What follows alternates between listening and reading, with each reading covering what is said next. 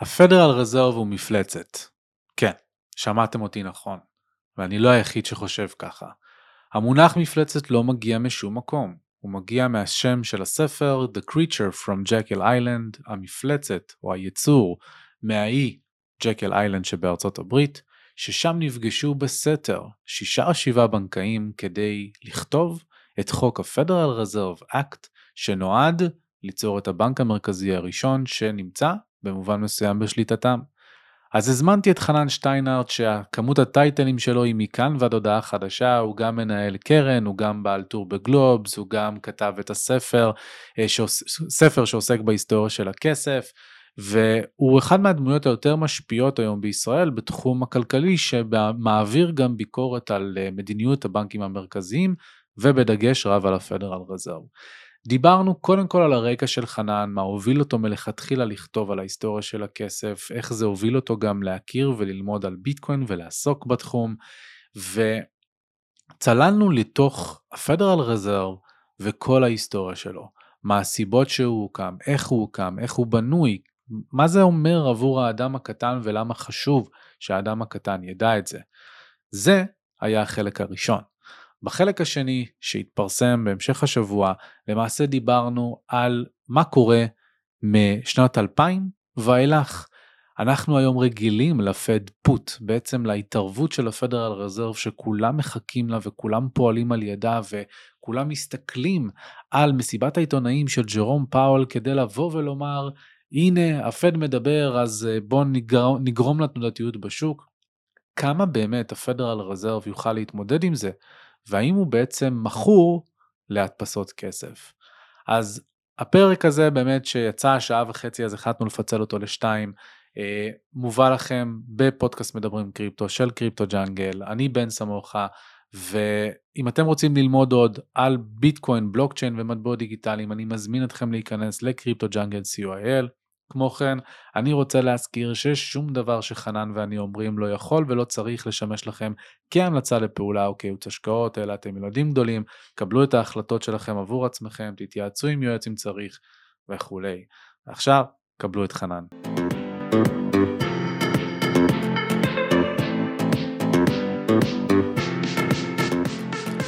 חנן שטיינרט, איזה כיף שסוף סוף אתה מגיע לפודקאסט מדברים קריפטו. כמו שאמרתי גם באינטרו, אני מעריך ומכיר את העבודה שלך כבר הרבה מאוד זמן, למדתי ממך המון, זכיתי גם להתארח בפודקאסט שלך בכאן אמריקה, שגם תספר עליו טיפה בהמשך, אז קודם כל, Welcome, ברוכים הבאים. היי, תודה.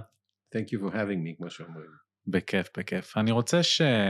נלך אחורה, בסופו של דבר אה, אנחנו תמיד שומעים ויודעים ולומדים על כך שההיסטוריה חוזרת על עצמה, ולכן אם נלמד מההיסטוריה נוכל להסיק ממנה קדימה. אתה לקחת את זה צעד אחד קדימה בכך שכתבת ספר על ההיסטוריה של הכסף. הייתי רוצה שתספר קצת על מי אתה בעצם חנן שטיינהרט, איך הגעת למקום שבו אתה היום כותב בגלובס, סופר, מנהל קרן, וכל הטייטלים הנוספים. וואו. אז אה, הואיל ואני boomer, אחד ה boomers היחידים שבקריפטו, אז אה, אם אני יכול להגיד, כתבתי באיזה ציוץ, ככה בסוגריים, מישהו כתב על קריפטו, אמרתי, העולם וקריפטו מתחלק לארבע קבוצות, אלה שהבינו קריפטו בזמן, אלה שיבינו קריפטו, אלה שהצטערו ואלה שהם boomers. אז, אז אני מה boomers, אז יש לי הרבה היסטוריה. אבל פעם למדתי משפטים בתל אביב, אחרי זה הייתי כמה שנים עורך דין, הגעתי לעולם הטכנולוגיה של האינטרנט, די בהתחלה של האינטרנט המסחרי, ככה גם הגעתי לארה"ב, היה לי חברה שעסקה ב e-commerce מאוד בהתחלה, הייתי ב dot com bubble, ב dot com bust, אחר כך היה לי עם אחי חברה שעסקה ב web to print, ועד 2008 היינו ככה, אתה יודע, אנשי יזמי הייטק אה, רגילים, אה, nothing to write home about.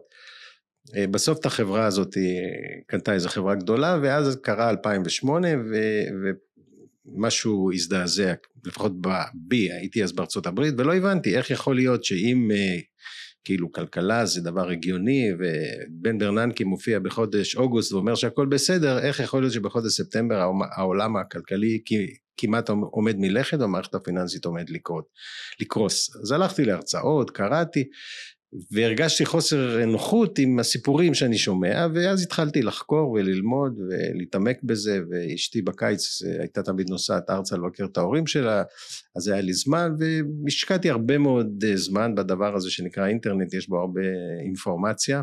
זה אגב קשה להאמין כמה אינפורמציה יש בו רק כשאתה ממש מגיע למיומנות של חיפוש אתה שמע אני מצאתי סתם דוגמה את המכתב שהבנק שמימן לקולומבוס את המסע שלו לאמריקה.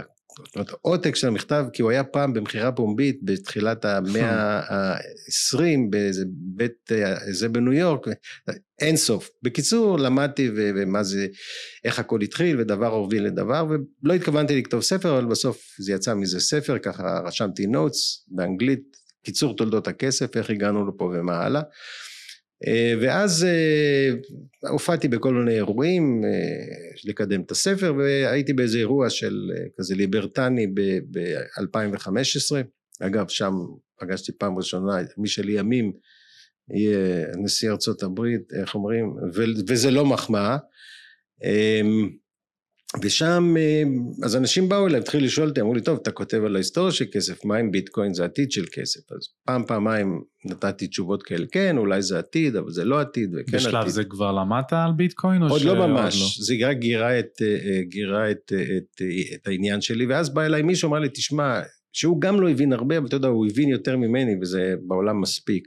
הוא אומר לי תשמע בדיוק הייתי בקונפרנס ודיברו על בלוקצ'יין וזו טכנולוגיה מאוד מעניינת ואתה צריך להבין את זה וצריך ללמוד בא בא בא אוקיי פעם ראשונה שמעתי ואז אה, הייתי בעוד פודקאסט תמיד עם פודקאסטים יצא יוצא הטובה איזה פודקאסט בעמק של חבר'ה ישראלים והם ראיינו אותי על הספר ואחר כך אחד אומר לי תשמע יש פה אחד מדבר בדיוק כמוך קוראים לו רז גרבר רז ידידנו רז ואז רז יצר איתי קשר אמרתי מה אני רוצה להיפגש. בסדר לא בן אדם כזה חשוב אני תמיד שמח להיפגש עם אנשים מעניינים.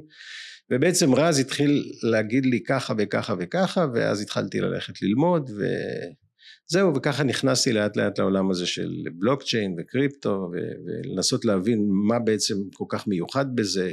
זאת אומרת המחיר אם זה יעלה במחיר או לא יעלה במחיר אז עוד לא ידענו ולא אגיד שזה לא מאוד עניין אותי לא נכנסתי באספקט של משקיע. זה מאוד עניין אותי מה זה ואז הקמתי מועדון כזה משקיעים של חברים מהעמק לא עמק יזרעאל מסיליקון וואלי וכל אחד שם כמה לירות 20 30 אלף דולר 10 אלף דולר והרעיון היה שנהיה מועדון משקיעים נשקיע וכשאתה משקיע אתה בעצם מאלץ את עצמך להתחיל ללמוד ופעם בחודש ניפגש ופעם אני אתן הרצאה ופעם אחי ייתן הרצאה על הטכנולוגיה ואני אתן הרצאה. זהו וככה התקדמנו ונכנסנו יותר ויותר לתוך העולם הזה ולהבין אותו ומה זה איתיריום ומה זה חוזה חכם ומה, ואיך בעצם זה יכול לפתור את כל או לפחות עקרונית הרבה מהבעיות שהשיטה הקיימת, שיטת הפיאט שעליה דיברתי הרבה בספר, אגב בספר לא, הוא, הוא סיימתי אותו ב-2000, הוא, הוא פורסם ב-2014, לא כתוב בו על ביטקוין. Hmm. כי עוד לא, לא הכרתי עוד לא ולא לא ידעתי. אז אני לא מהעלייה הראשונה, אולי כזה עלייה שלישית. אמ, זהו, ואז התחלתי להבין בעצם שהדבר הזה הוא מתחבר עם הרבה דברים אחרים, גם עם המהפכה הדורית, זאת אומרת אם אתה מסתכל על הסטטיסטיקות של ביטקוין, בארצות הברית זה דבר מאוד מעניין, אה, כאילו מי בעולם הזה, אז אתה רואה ככל שאנשים יותר משכילים ויותר צעירים הם יותר בתוך העולם הזה. אומרת זה לא עולם של אה, ילדים נבערים שהם, אלא ההפך, אתה מסתכל תואר שני, תואר שלישי, אתה רואה יש קורלציה ברורה בין הגיל וההשכלה והמעורבות בביטקוין. אם אתה מסתכל על אנשים שמעל גיל 60, זאת אומרת boomers באמצע זה מעט מאוד אולי שני אחוז בכלל נוגעים בדבר הזה וזה טבעי וזה הגיוני כי, כי זה כמו שאנשים בני שמונים לא מבינים מה זה אינטרנט אז אנשים בני שישים לא מבינים מה זה boomer. ואנשים בני ארבעים לא מבינים מה זה VR אז, אה, אז ככה זה הולך עם מהפכות טכנולוגיות. אמ, אבל, אבל כשאתה חושב על הדור הצעיר שחי בתוך, ה, בתוך העולם הווירטואלי וחי בתוך הטלפון וחי בתוך אה, הסייבר הרעיון שיהיה אה, אה, כסף של האינטרנט זה כאילו דע כאילו מה, מה, מה מיוחד ברעיון הזה. וכפי שאתה יודע אי אפשר להעביר value דרך networks בלי בן אדם מרכזי. זאת אומרת שאי אפשר להעביר value דרך networks. והדרך היחידה להעביר value דרך networks זה אינטרנט of value זה קריפטו.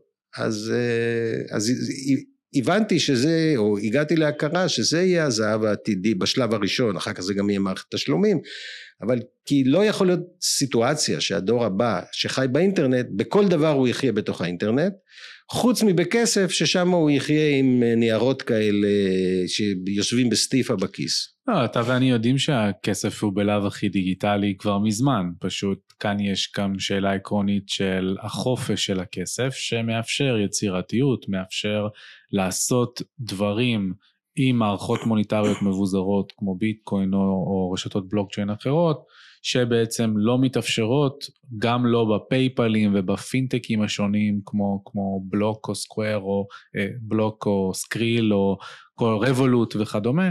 אה, ולעומת זאת בווב 3 מה שנקרא כן אפשר לעשות את הדברים האלה ישירות מהארנק שלך, ישירות מהדפדפן שלך אה, ובעצם אה, לשנות את האופן שבו אנחנו מעבירים את הערך אחד בין השני. תראה, אני אגיד לך, זה ברור שהכסף הוא דיגיטלי, אבל אני לא מתכוון לנייר בדיגיטליות, אבל כשטכנולוגיה מתפתחת או שדבר חדש מתפתח, אז הנטייה הטבעית שלנו זה, ה reference point שלנו זה העבר. אז אנחנו אומרים, אה, אה, מה זה אינטרנט? זה דפי זהב אבל דיגיטלי. ככה חשבו על האינטרנט בהתחלה, אתה יודע, יש כזה סיפור על איזה בחור שאני חושב שכתב בוול סטריט ג'רנל, שהוא פר... בהתחלה של האינטרנט הוא פרסם ספר עם הכתובות, לא היו הרבה, הרבה URL, זה היה לו ספר עם כתובות, אם אתה, ספר מודפס, אתה רוצה זה, זה הכתובת, אתה רוצה זה, זה הכתובת, אז הוא, בסוף הוא מכר את הספר הזה לבית הוצאה לאור בניו יורק ב-30 מיליון דולר. והוא מספר בריאיון שהוא כשהוא נסע חזרה הביתה הוא אמר לשותף שלו, שמע נדמה לי שהם חשבו שהם קנו מאיתנו את האינטרנט. אתה מבין, אתה תמיד חושב על דברים ברפרנס פוינט הקודם, אז, אז אנחנו רגילים לכסף בצורה שהוא בשיטת הפיאט, אז באים החברות האלה שציינת ואחרות, או כרטיסי אשראי, אוקיי, יש לנו ורסיה דיגיטלית שזה, אבל זה, זה ורסיה לא, מת, לא באמת מתאימה למה שהאינטרנט יכול לתת, היא לא מתאימה נגיד לעולם של VR, היא לא מתאימה לעולם שיש בו identities שונים, הרי כאילו שיש לך identity שהוא לא בהכרח ה identity שלך, לא מדבר כרגע על עבריינים וכולי, אלא נגיד שיש לך בעולם ה-VR identity כזה למשחק כזה ו identity כזה למשחק אחר ו identity כזה ב... בטח. האבטר הדיגיטלי שלך ויהיו הרבה אבטרים דיגיטליים בעתיד. איך אתה עובד עם זה עם כרטיס אשראי? זאת אומרת, זה בכלל לא... אוקיי, אנחנו חושבים על העתיד במונחי העבר, אבל הוא בדרך כלל שונה. בטח. אבל, בכל זאת, צריך לחזור לעבר. ובאמת, אה, בפרק הזה, כמו שקיימנו בשיחה דקה לפני שלחצנו על הפליי, שלי יהיה חשוב באמת uh, להתעמק קצת יותר בעבודה שאתה עושה, בעיקר בגלובס, ששם אתה בצורה די uh, שוטפת מעלה תכנים, לעיתים בסדרות שבהם אתה צולל לתוך uh, עמקי, uh, נקרא לזה נושאים מסוימים, והנושא האחרון, בעצם הסדרה שהתחלת ממש לאחרונה, היא על ההיסטוריה של הפדרל רזרב, מה זה בכלל הפדרל רזרב, כיצד הוא הוקם, מה הוביל ליצירתו, והייתי רוצה שבאמת ניכנס לשם, כי אתה ואני בעצם נמצאים במחנה שאפשר לומר שבמיוחד בישראל, בקרב דובי עברית, אנחנו בין המעטים, אם בכלל, שמתנגדים למוסד של בנק מרכזי כאחד, או של פדרל רזרב כמכלול, וליומרנות של מוסד אחד שחושב שהוא יכול לנהל את כל הכסף של העולם. תתקן אותי תכף אם אני מכניס לך מילים לפה, כי זו לא הכוונה שלי, אה, אבל זה בהחלט המחנה שבו אני נמצא, אני יודע לומר שאני מאוד מאוד מבקר בנקים מרכזיים, ובשביל שהקהל המאזינים שלנו יוכל להבין מאיפה הביקורת שלך ושלי מגיעה, צריך בעצם להבין, א', למה המוסד הזה נוצר מלכתחילה, ב', איך התהליך הזה קרה של ההיווצרות שלו ועד כמה תיאוריות קונספירציה במרכאות או קונספירציות אמיתיות נמצאות בבסיסו וכן הלאה. אז בוא, בוא נתחיל באמת עם, ה, עם הרקע שהוביל מלכתחילה ליצירתו של הפד. אז ככה, אה, ציינת את הכתבות בגלובס, אז למי שמעוניין, אה, זה תמיד ביום חמישי בסוף שבוע בגיליון המודפס ובמוצאי שבת אה, ככה בשבע, שמונה בערב אונליין. אז תראה, הפד בעצם נולד, הברית לא היה בנק מרכזי, הבנק המרכזי האמיתי הגדול הראשון היה האנגלי, אה, שהוא ו... קם בסוף המאה ה-18. כן, ובכלל צריך להבין שכל הבנקים המרכזיים, כולל הפד, זה תהליך אבולוציוני. זאת אומרת, לא קמו ביום הראשון ואמרו, שמע, אנחנו ננהל את העולם. זה תהליך אבולוציוני של מוסד שלאט לאט רוכש ויותר ויותר כוח. ויותר ויותר ציפיות, ובסוף הוא מנהל את העולם. הם לא כאילו התכנסו בג'קל איילנד ואמרו בוא נקים מוסד. עכשיו איך זה התחיל? בארה"ב הייתה התנגדות מאוד מאוד גדולה להקמה של בנק מרכזי. היו פעמיים אה, ניסיונות להקים בנק מרכזי, פעם אחת אפילו היה בנק מרכזי שהיה לו צ'רטר במשך עשרים שנה, ואחר כך אה, לא האריכו לו את הצ'רטר, ופעם שנייה היה ניסיון והוא נכשל. אה, הסיבה שבתפיסת העולם של האמריקאים של המאה ה-18 ותחילת המאה ה-19 הרעיון הזה הוא של בנקים בכלל ג'פרסון התבטא מאוד בחריפות ביחס לבנקים והרעיון של בנק מרכזי שמנהל את הדברים הוא, הוא לא היה אה, פופולרי. ב-1907 היה אה, משבר גדול בוול סטריט, run on the banks, אגב הוא היה run on the bank שהוא היה purely panic, זאת אומרת זה לא היה איזשהו אירוע אמיתי של בנק שקרס בגלל נגיד בעיה אמיתית, והיה pure panic של run on the bank, זה התחיל מאיזה short, מישהו short trader במונטנה, הפרטים לא כל כך חשובים, וזה התגלגל מעוד בנק לעוד בנק לעוד בנק לעוד מה שקראו לזה אז trust organization, לא trust funds אלא trust organization, זה כמו מין, נקרא לזה בנקי השקעות, ו...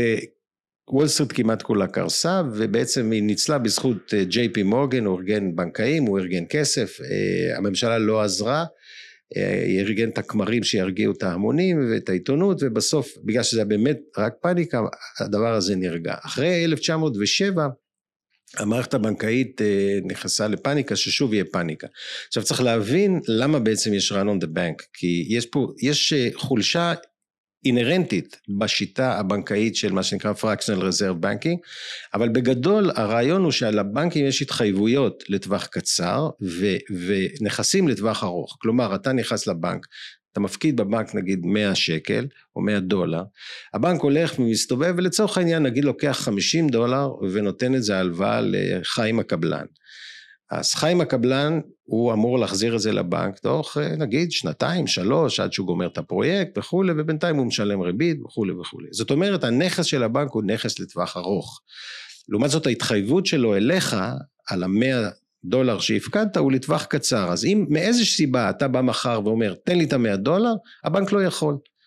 עכשיו אם כל עוד שהדברים הם במהלך עסקים רגיל, אז אף פעם לא באים כל המפקידים ביחד ומבקשים את הכסף. אז לכן הבנק שומר איזושהי רזרבה מסוימת, והרזרבה גם בתקופה שהזהב היה הסטנדרט, אגב, לא, לא חשוב, אבל עד, עד שהפדרל רזרב בא לעולם, אה, הרזרבות שרוב הבנקים החזיקו באמריקה היה באזור 23-25 אחוז, וההנחה הייתה שאף פעם לא באים יותר מ-20 אחוז מהאנשים יום אחד ורוצים את הכסף. אבל אם קורה שבאיזושהי סיבה חיצונית יש פאניקה, מה שנקרא run on the bank, ובאים יותר מהכמות הזאת, הבנק פושט את הרגל. אין, זה, זה המתמטיקה הכי פשוטה בעולם. ואז בא, באו הבנקאים האלה בראשות ג'יי פי מורגן וקידמו את הרעיון שאם הפאניקה היא נובעת מפאניקה אז אם נדע שאם אנשים ידעו שיש את הממשלה מאחורי הבנקים אז לא יהיה פאניקה. אם לא יהיה פאניקה לא יהיה צורך בעזרה. זאת אומרת הכל בסדר. כל הרעיון הוא שאם זה נובע מפאניקה נתן לאנשים כדור נגד פאניקה. לכדור נגד פאניקה יקראו גוף ממשלתי בנק מרכזי, ואז לא יהיה פאניקה, ואז הגוף המרכזי לא יצטרך לפעול, נשמע מושלם. ואז אה, הם קידמו את זה בכל מיני דרכים, אה, גם אה, יחסי ציבור וכולי, ואז ככה בליל חורף בנובמבר 1910 עולים על רכבת חשאית באיזה תחנה בניו ג'רזי. אז רגע, אז לפני שאתה באמת מספר את הסיפור של, של ג'קל איילנד ושל המפלצת משם, שאגב למי שלא מכיר את הספר של אדוארד גריפין, מאוד מאוד מאוד מומלץ בחום. Uh, The Creature from Jekyll Island, ספר פשוט מצוין, שזמין לכם גם ב-PDF בחינם אם אתם לא רוצים לפרגן בכסף, ממליץ לרכוש אותו כמובן. Uh, אבל אני רוצה כן לתת איזשהו סיכומון ביניים, באופן כללי המערכת הבנקאית כבר מזה כמה מאות מסתמכת על רזרבה בבנק, בבנקאות ברזרבה חלקית, שזה בעצם אומר שהבנקים בהם אנחנו מחזיקים את הפקדונות שלנו, בעצם אה, מלווים הרבה יותר כסף מאשר הפקדונות שהם מחזיקים עבור האדם הקטן, ולכן במידה והאדם הקטן, העסקים וכדומה, באים למשוך את הפקדונות שלהם כולם בבת אחת, בתהליך שנקרא ריצה אל הבנק, אז ברגע אחד אין לבנק את הכסף באמת לעמוד מול הדרישה הזאת, וזה הופך אותו באמת לפושט רגל, לאינסולבנט, הוא לא יכול לעמוד בזה. אבל יש שטוענים שכשזה מגיע מזווית של פאניקה שהיא לא מבוססת, כלומר הנכסים שהבנק מחזיק באמת טובים, קרה איזשהו טריגר שגרם לפאניקה, לבהלה, אז זה יותר עניין של נזילות, של liquidity, מאשר של solvency.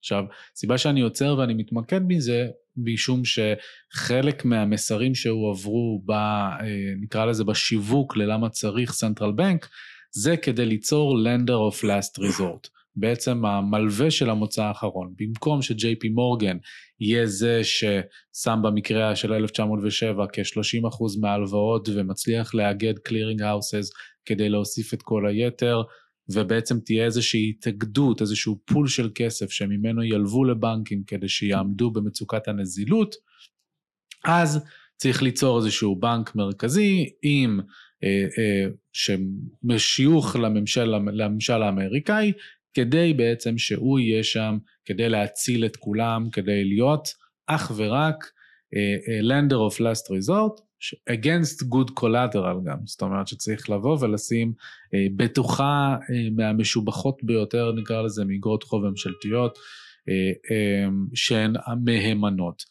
ועכשיו, אפשר להיכנס באמת למפלצת שנוצרה באי-ג'קט. כן, אז התיאור הוא, הוא מדויק, ובאמת הוא נשמע אחלה, כאילו, למה לא בעצם? אז כדאי שנבין, להבין את הלמה לא זה קצת המורכבות של הסיפור.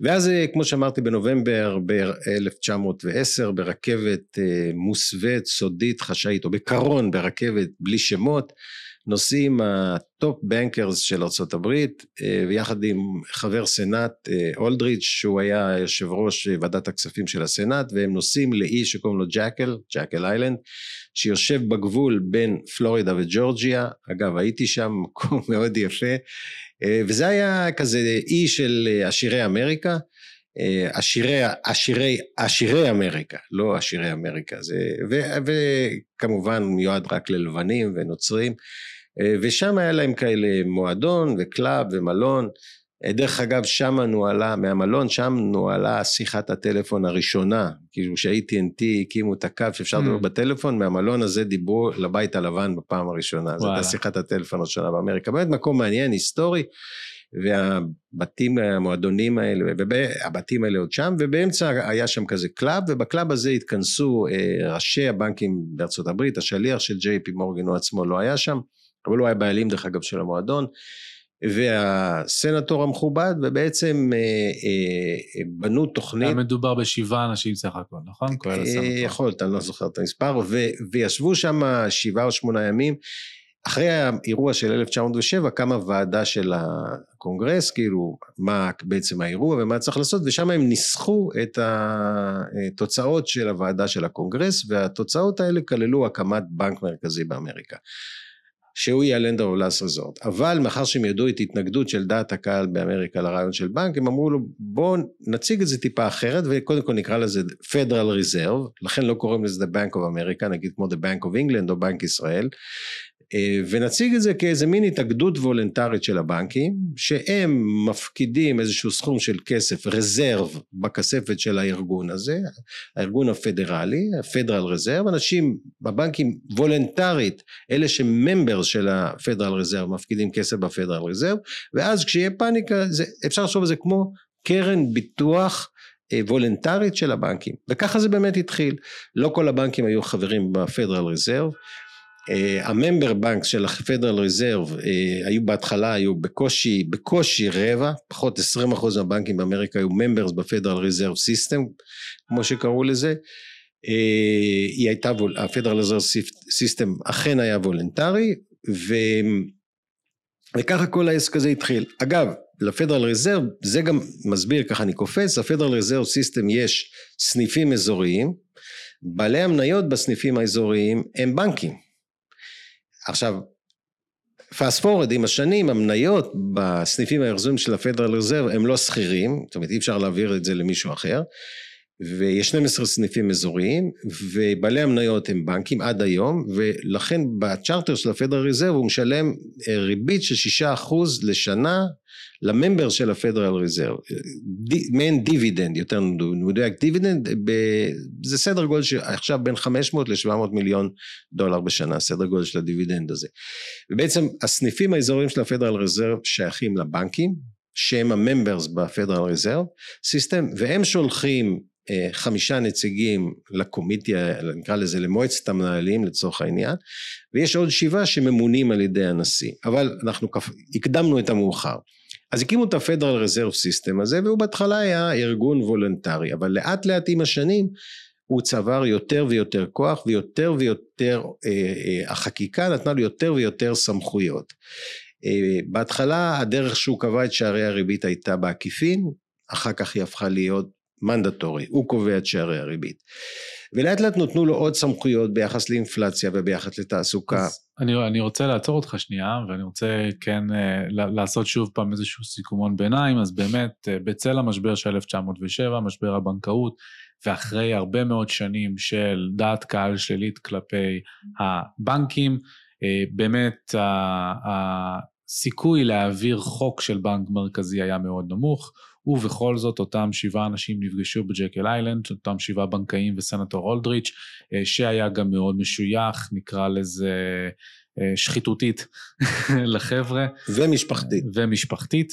אה, ובאמת כל המטרה של הדבר הזה, כל המטרה של להיסגר באי, בשושו, באחוזה, שאפילו המנקים ועוזרי הבית לא ידעו מי האנשים האלה, או לא היו אמורים לדעת מי האנשים האלה, הייתה כדי באמת לנסח את הצעת החוק שסנטור אולדריץ' יגיש לקונגרס ולסנאט האמריקאי במטרה ליצור בנק מרכזי. אנקדוטה אגב ששכחת לציין זה שאולדריץ' התעקש בתור התחלה שזה כן ייקרא בנק, וכשהוא ניסה להעביר את זה לראשונה זה לא עבר את הקונגרס ולאחר מכן הם חיכו שנה וחצי, שינו את זה ל Federal Reserve System ורק אחרי זה הצליחו להעביר את זה בעצם אחרי שהוציאו את המילה בנק כדי שדעת הקהל לא תתפוצץ על הדבר הזה וחברי הקונגרס לא יקבלו את המכתבים בדואר אה, ללמה הם מאפשרים אה, ליצור בנק מרכזי. אה, אז באמת הייתה כאן התאגדות של כספים שהופקדו על ידי הבנקים שבעצם ניהלו את המערכת שלכאורה הייתה אמורה להיות מבוזרת, כמו שציינת, 12 סניפים בכל רחבי ארצות הברית, הסניף החשוב, הגדול ביותר נמצא בניו יורק, שהייתה גם הפתח לאוקיינוס האטלנטי ולנתיבי הסחר עם אירופה, אבל יש סניפים גם בסן פרנסיסקו ובסנט לואיס ובמיזורי ובכל מיני, קנזס וכל מיני מקומות, אה, והבנקים הם דה פקטו הבעלים הפרטיים של אותם סניפי פדרל רזרב, ומקבלים גם דיבידנדים מפעילות הבנק. כלומר, אם הבנק נמצא ברווח, הם באמת מקבלים אחוזים מהרווח הזה. ממה הם עושים רווח, אנחנו מיד נגיע לזה. עכשיו, בו זמנית, כדי ליצור איזשהו מנגנון הגנה, באמת נוצר, נוצרה מועצה, שזה ה-Federal Reserve Committee, שבעצם ממו, חמישה מנציגיה עושים רוטציה בין 12 סניפי הפדרל רזרב, שבעה מהם נבחרים על ידי הנשיא, כולל גם אה, יושב ראש הוועדה, יושב ראש הפדרל רזרב, במקרה שלנו ג'רום פאול, שנבחר, שמוצע כמועמד על ידי הנשיא ועובר אישור של הסנאט והקונגרס. אז זה בעצם התיאור הקצר של מערכת הפדרל רזרב כמו שהיא בנויה היום, ויש נקודה נוספת שרציתי לומר, והיא על ההיררכיה של הכסף בנסיבות האלה. אז, אז רגע, יש אז ככה עוד קוריוז, עוד קוריוז אחד, אם כבר עסקנו בקוריוזים, בין ההחלטות של הוועדה, אה, ועדת החקירה וכולי והמלצות לזה, היה בחירות, ובבחירות היה מהפך שלם, גם הסנאט וגם הנשיא הפכו להיות דמוקרטים. ולפני זה היו רפובליקנים, והם התחייבו במערכת הבחירות שהם לא ייתנו להקים באמריקה בנק לא, מרכזי, והם לא יקימו את, לא יאמצו את המלצות ועדת אולריך, והפלא ופלא. ולא ייכנסו גם למלחמת העולם הראשונה, זה כן. הכל חתום על ווילסון. אבל למרבה הפלא הם הגיעו לשלטון וזה השתנה, וב-1913 החקיקה עברה, והפדרל רזרב קם ונהיה. אבל אני חושב ש... ואחר כך היה, אנחנו עושים fast forward, והיה שנות ה-30 והמשבר. אבל וש... רגע, לפני שנות ה-30 חשוב לי, חנן, כן להבהיר משהו שהוא מאוד מאוד חשוב בעצם. הפדרל רזרב דה פקטו קיבל את הסמכות לייצור הכסף עבור הממשל האמריקאי.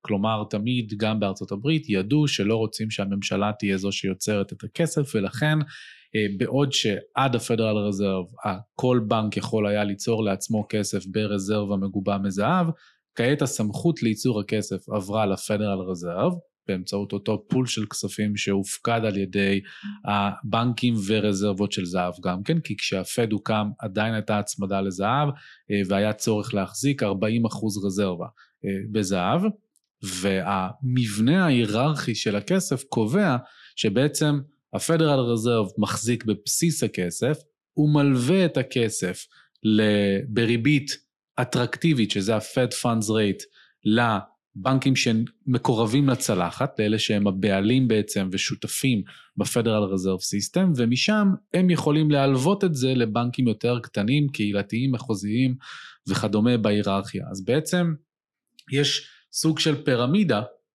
סוג של פירמידה, אה, שהפדרל רזרב נמצא בראשה, של יוצרת היררכיה לכסף של הלוואות, ואני חושב שזה כן חשוב לתפוס את זה בראש, משם בעצם מתחיל שבריר הכסף הראשון, על אף שרוב הכסף בעולם נוצר במערכת הבנקאית עצמה. נכון, אבל כמו שאמרת, בשלב הזה זה עוד היה אה, עניין מאוד מוגבל, משום שהחוק בארצות הברית קבע נגיע לזה עוד רגע, אבל החוק בארצות הברית קבע באותה תקופה שחייב להיות גיבוי בזהב ל-40% מהכסף שבמחזור, אז ומאחר שזהב, הכמות שלו גדלה באופן מאוד מצומצם, מה שנקרא stock to flow, של בערך אחוז, אחוז וחצי בשנה, אז בעצם כמות הכסף הנוצרת הייתה מוגבלת.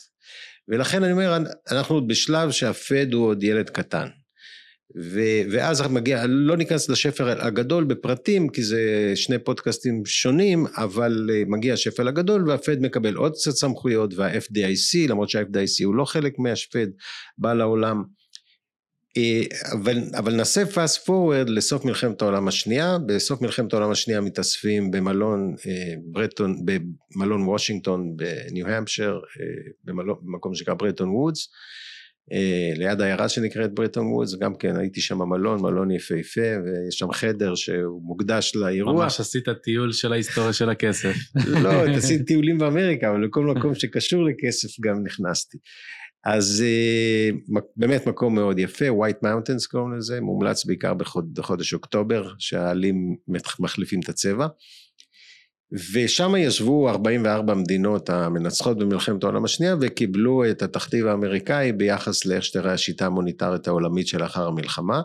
כל המטבעות אה, הוצמדו בשער פחות או יותר קבוע לדולר, הדולר הוצמד בשער קבוע לזהב במחיר של 35 אה, דולר לאונקייה ולהבטחת כל הסיסטם הזה אה, אם קודם היה זכות המרה של כמו שציינת, שטר של דולר יכלת להמיר בזהב, עכשיו הזכות ההמרה הזאת עברה רק לבנקים המרכזיים העולמיים, אה, ו, ו, אבל עדיין היה חובה להחזיק אה, מה שנקרא Gold Reserve Requirement, היה אה, מה שהיה קודם 40 אחוז ירד ל-25 אחוז. זאת אומרת אנחנו נכנס, נכנסים לתקופה שאחרי מלחמת העולם השנייה במצב שהשיטה המוניטרית נראית ככה, כל המטבעות מוצמדים לדולר, הדולר מוצמד לזהב, להבטחת ההצמדה לזהב אמריקה התחייבה למכור זהב במחיר הזה ורוב הזהב בעולם היה באמריקה אחרי מלחמת העולם השנייה ועדיין יש חובה של אה, שמירת יחס של כמות הזהב לכמות הכסף לא סילבר אבל מאני במחזור של 25 אחוז. הבנתי. אני רוצה רגע בעצם לתאר איזשהו סיפור ואז אתה תספר לי אם זה בעצם ה... ה... חלק מהדברים שלא התחברו לך כשנכנסת למסע הזה ב-2008, כש... כשבעצם הבנת שמשהו לא תקין ושהסיפורים שאתה שומע בהרצאות לא מתחברים. בעצם בלימודי התואר בכלכלה מלמדים אותנו שיש בום and bust cycles, שבעצם יש איזושהי מחזוריות בכלכלה שתלויה גם בעונתיות וכדומה, שבמסגרתה יש כמה שנים של צמיחה, מדברים על זה לרוב במונחים של 6 עד 8 שנים של צמיחה, ואז לאחר מכן שנה או שנתיים של מיתון. תמיד כשמדברים על זה, נשענים על הזווית הכלכלית, על מה הפעילות שאנחנו עושים במשק בתור אינדיבידואלים שמקימים את העסקים, מוכרים מוצרים, נותנים שירותים ורוכשים את הדברים האלה בעצמנו. עד שמגיע איזשהו מיצוי ואז אה, עוצרים לנוח קצת, אנשים מאבדים את העבודה, האבטלה עולה אה, וכדומה.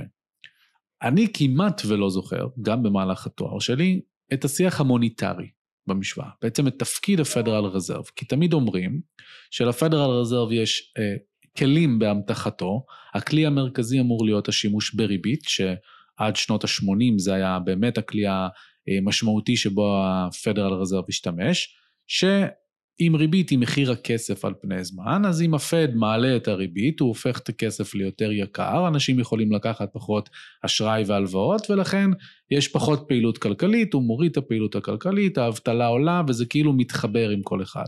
לעומת זאת ההפך, אם הפדרל רזרב מוריד את הריבית, לשפל של 5,000 שנה, אז בעצם זה מאוד, לכאורה, אמור לעודד פעילות כלכלית בכך שהחוב נהיה והאשראי נהיה מאוד מאוד זול, אפשר לקחת את הכסף היום, להשתמש בו כדי לקנות מוצרים, שירותים, להקים עסקים וכדומה, ולהצמיח את הכלכלה.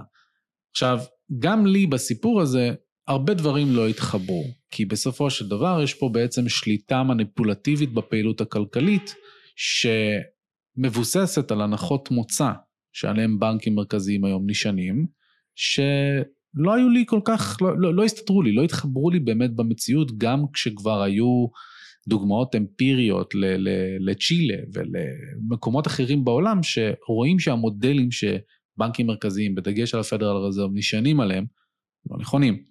אז האם גם הפרספקטיבה הזאת של איך המדיניות המוניטרית מתחברת עם ה-boom and bust cycles, השפלים והמיתונים, לעומת הצמיחות, האם זה מה שהעיר גם אותך נקרא לזה ככה, ואם כן, אם לא, אני אשמח לשמוע את הפרספקטיבה שלך על התפקיד של הפד בעידוד צמיחה מצד אחד ובעידוד שפל או, או משברים מצד שני. תראה, הרעיון של... אני רוצה לענות לשאלה ואני רוצה קודם להגיד משהו אחר, אבל אני אגיד משהו לפני המשהו אחר. הרעיון ש... הכל נובע מכמות הכסף, וכמות הכסף היא בעצם הדבר המרכזי שמכתיב את, את כל הדברים האחרים במשק, או כמעט את כל הדברים האחרים במשק, הוא רעיון שנולד אה, על ידי, פון מיסס כתב את הספר המפורסם שלו וכולי, The Theory of Money, אה, התיאוריה של, אה, של כסף, The Theory of money and credit. money and credit, התיאוריה של כסף וקרדיט והוא מדבר על איך, אה, אה, הוא, הוא זה אגב כלכלן קוראים לו אוסטרי, הוא באמת חי באוסטרי אבל זה השיטה, השיטה הכלכלית שהגו הוגי דעות באוסטריה, הוא אגב לא היה הראשון שבה ב school הזה, הוא אגב גם היה יהודי, אחר כך הגיע, ברח לפני השואה והגיע הברית.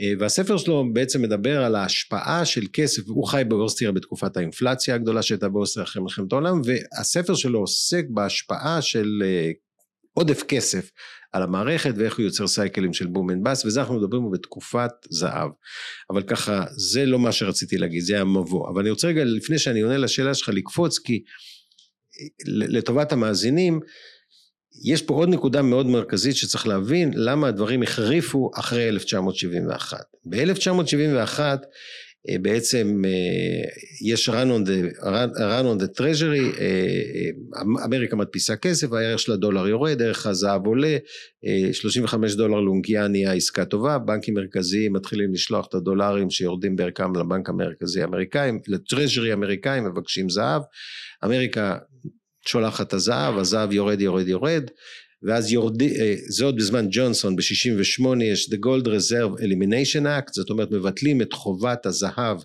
אה, אה, כנגד הכסף. זאת אומרת אין יותר איזוק מלשון אזיק של הכמות של הכסף לזהב, זאת אומרת תאורטית אפשר להדפיס כמה שיותר, ואחר כך ניקסון עושה את מה שנקרא ניקסון שוק, ובעצם כל המערכת של ברטון וודס מתבטלת, והנקודה החשובה היא פה שמכאן אין בעצם מגבלה על כמות הכסף שאפשר להדפיס. אם קודם היה לנו איזה אנקר, שזה הזהב, מבעצם 71, הדבר היחידי שמכתיב כמה כסף אפשר להדפיס זה שני דברים, זה הריבית ויחס הרזרבה. ככל שיחס הרזרבה שהוא מוכתב על ידי הפד יורד, הבנקים יכולים... תוכל לתאר רק מה זה יחס הרזרבה לטובת מי שלא מכיר? יחס הרזרבה זה כמה כסף הבנקים צריכים לשמור אצלהם בכספת ביחס לכמות הכסף שמופקד אצלהם. זאת אומרת, אם נגיד אה, הפקדת 100 שקל או 100 דולר, וביחס הרזרבה הוא 5 אחוז, אז הבנק שומר 5, 5 אחוז, 5 דולר בכספת, ו-95 דולר הוא נותן כאשראי. שדיברנו על זה טווח ארוך וטווח קצר וכולי. עכשיו, ככל שיחס הרזרבה יותר קטן, אז יש לבנק יותר כסף שיכול להלוות, וככל שהריבית יותר נמוכה, אז יש יותר אנשים שיש להם אינסנטיב ללוות. זאת אומרת, שני המכשירים האלה, הריבית ויחס הרזרבה, קובעים כמה כסף הבנק יכול לייצר. אין כבר מגבלה טכנית מבחינת הכמות, אפשר לייצר כל כמות של כסף בהינתן יחס רזרבה נכון ובהינתן ריבית נכונה, נכונה זאת אומרת נמוכה מאוד. עכשיו בעצם הכל עולה מדרגה, זאת אומרת כל מה ש... ועכשיו אני עוד מעט חוזר ל boom bust שלך, כל מה שהיה קודם עד 71 היו boom and bust והיו לפעמים boom and bust קשים דיברנו על 1907 אבל זה, זה היה אפשר לומר גלים שמתקנים את עצמם וחלק מזה זה הטבע של הכלכלה ותנועות הון בינלאומיות והרבה סיבות ומלחמות והמצאות טכנולוגיות יש הרבה סיבות למה יש boom and bust בכלכלה זה לא הנושא שלנו אבל מה שקורה וזה הנקודה הכי מרכזית ברגע שיש לפד את תרופת הפלא נגד הבאסט, הוא לא יכול לעמוד בפיתוי. זה לא דבר אנושי. זאת אומרת, בזמנו אה, אה, פרידמן, מילטון פרידמן אמר שהוא אבי תורת המוניטריזם שבן ברננקי היה תלמידו, הוא אומר, שמע, הוא אמר איזה טעם יש אה, לשפוך בדם ואנרגיה להוציא זהב מהאדמה רק בשביל לקבור אותו אחר כך בפורט נוקס. Hmm. שהוא צודק, ו- והוא אמר, תשמע, את, את הכסף יכול מחשב, יכול לקבוע את כמות הכסף, נניח נגדיל את כמות הכסף ביחס ישיר לגידול בכמות האוכלוסייה כדי לא לייצר דיפלציה, שוב לא ניכנס לדיון הזה, ואז הכל יהיה בסדר. אבל מה שפרידמן פספס, והוא היה כמובן לא רק פרס, חתם פרס נובל לכלכלה, אלא באמת גאון גדול, אבל מה שהוא פספס זה שאין מצב שהפד יכול לעמוד בלחץ ובפיתוי של הבאסט. וזה החולשה של כל הסיסטם הזה. זאת אומרת, כל הרעיון הזה שהפד יעלה ריבית ויוריד ריבית ויעלה ריבית, אחלה, פנטסטי, מצוין, והוא ישלוט בגלים, וככה הוא חושב שהוא יכול לשלוט בגלים. יש רק בעיה אחת, הוא לא יכול לשלוט בעצמו. זאת אומרת, כשמגיע הבאסט, זה מקרים נדירים כמו שהיה עם אה, פול ווקר, שהיה אה, בזמן האינפלציה של שנות ה-70-80, שקיבל גיבוי עצום מרונלד רייגן, שיכל להרשות לעצמו אה, אה, באמת להעלות את הריבית שהיא עלתה בשיא עד כמעט 20 אחוז, 19 אחוז, ולייצר מיתון רציני כדי להביא את האינפלציה לעצירה. אבל זה לא קרה מאז. וזה לא קרה מאז כי הם פשוט לא יכולים לעמוד בזה ואנחנו הם לא יכולים לעמוד בזה משום שהלחצים הם גדולים מדי וזה בדיוק מה שקרה ב-2008 זה מה שקרה ב-2000 זה מה שקרה ב-2020 וזה מה שקורה יקרה עכשיו. אני אפילו יחדד אותך זה לא רק שזה פיתוי גדול מדי מהזווית הנקרא לזה חוסר העצמאות של הפט זאת אומרת יש איזושהי פיקציה ש... אה, בעצם בנקים מרכזיים אמורים להיות עצמאיים ולהתקיים ללא לחצים פוליטיים ואמורים לבצע את תפקידם עם המנדט שלהם, שזה יציבות מוניטרית ותמיכה ואבטלה וכדומה, וברור אה, לפחות היום להרבה מאוד אנשים שזה אה, מה שנקרא בעברית צחה חרטא בפיתה, אז עכשיו אתם יודעים טיפה יותר על הרקע ועל ההיסטוריה של הפדרל רזרב ועל למה גם חנן וגם אני בעצם ביקורתיים כלפיו. בחלק השני, חנן ואני הולכים להמשיך ולדבר על הפד ועם הצרות, ועל הצרות, סליחה, שמולם הוא מתמודד כיום, כאשר יש משבר בנקאות שמתחולל בימים אלו, ולמעשה אפשר לומר זאת בפה מלא, הפדרל רזרב מתנהג כמו מכור לסמים קשים. איך זה בא לידי ביטוי? כל זאת ועוד בחלק הבא, אז אל תשכחו לעקוב וכמובן לדרג אותנו באפליקציות השונות יותר מנשמח לראות אתכם עושים זאת, זה מאוד מאוד יעזור לנו לחשיפה.